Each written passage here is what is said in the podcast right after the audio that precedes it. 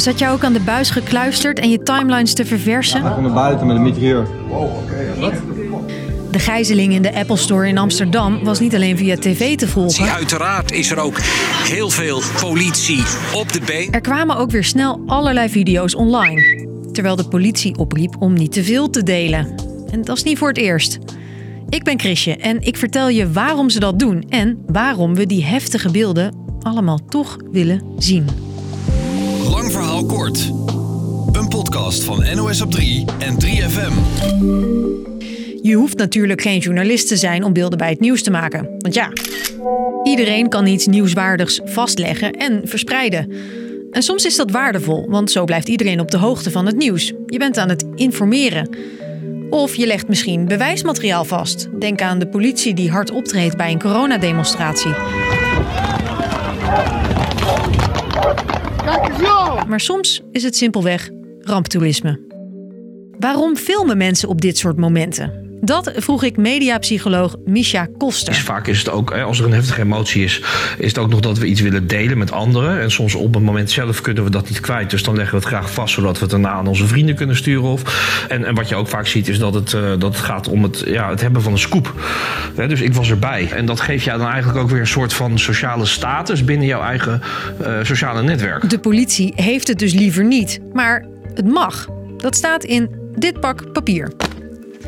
Vrije informatiegaring. Dat valt onder de vrijheid van meningsuiting. En dat staat in het Europese Verdrag voor de Rechten van de Mens. Staat overigens ook in dat je er wel verantwoord mee om moet gaan.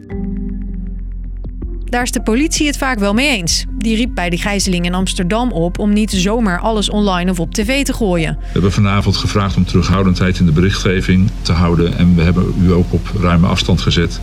Dat was vooral als reden om de verdachte niet wijzer te maken zodat hij onze tactieken kon doorzien en op die manier eigenlijk op achterstand werden gezet. Ja, als je probeert een gevaarlijke situatie onder controle te houden, is het niet handig als de dader precies kan volgen hoe hij wordt omsingeld.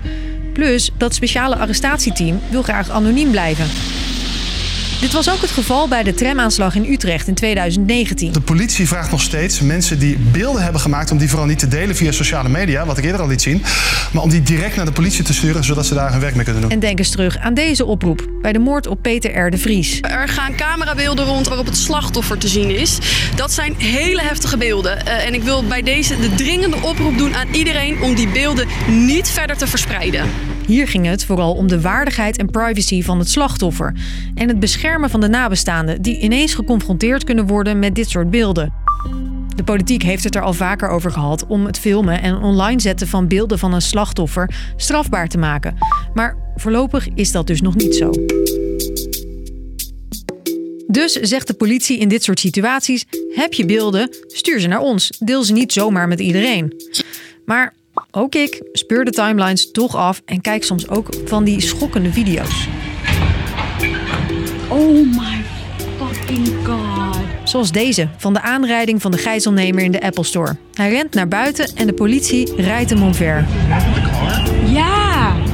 Best heftig. En daarom zetten we bij de NOS ook een waarschuwing voor zo'n video. Dat er schokkend beeld te zien is. Weerhoudt niet iedereen, zoals deze video, op het moment dat ik deze aflevering opneem, al ruim 1,1 miljoen keer gekeken op onze site en in onze app. Maar waarom willen we hier eigenlijk naar kijken? Als dingen uh, een, een, heftige emotie bij ons oproepen, zowel heel positief als heel negatief, uh, dan werkt dat uh, heel erg op onze nieuwsgierigheid. Zegt mediapsycholoog Misha Koster. En daarnaast gaat het om een zeldzame situatie. Zeker voor een normale burger om die zeg maar te aanschouwen. Uh, dit is iets wat we kennen uit films en zo natuurlijk. Gijzelingen en zo en met wapens en dat soort dingen. En die zeldzaamheid zorgt ervoor dat we er allemaal bovenop springen. En in de psychologie weten we dat als dingen schaars zijn, dan willen we die gewoon hebben. Dat is toevallig dat het uh, nou in, in de Apple Store gebeurt. Want Apple is natuurlijk uh, koning als het gaat om het creëren van schaarste rondom de producten. Zeker in uh, vroegere jaren waar je dan zag dat mensen in ellenlange rijen sta, staan om de eerste iPhone zeg maar, te verkrijgen.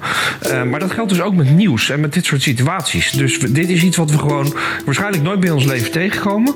En ja, dan hebben we gewoon heel erg die behoefte om dat te zien en om erbij te zijn. Dus lang verhaal kort. De politie vraagt vaak om beelden niet te delen, want je kan de dader informatie geven of een slachtoffer ongewild in beeld brengen. Maar ondanks die herhaaldelijke oproepen van de politie blijven mensen het doen en blijven we er ook massaal naar kijken.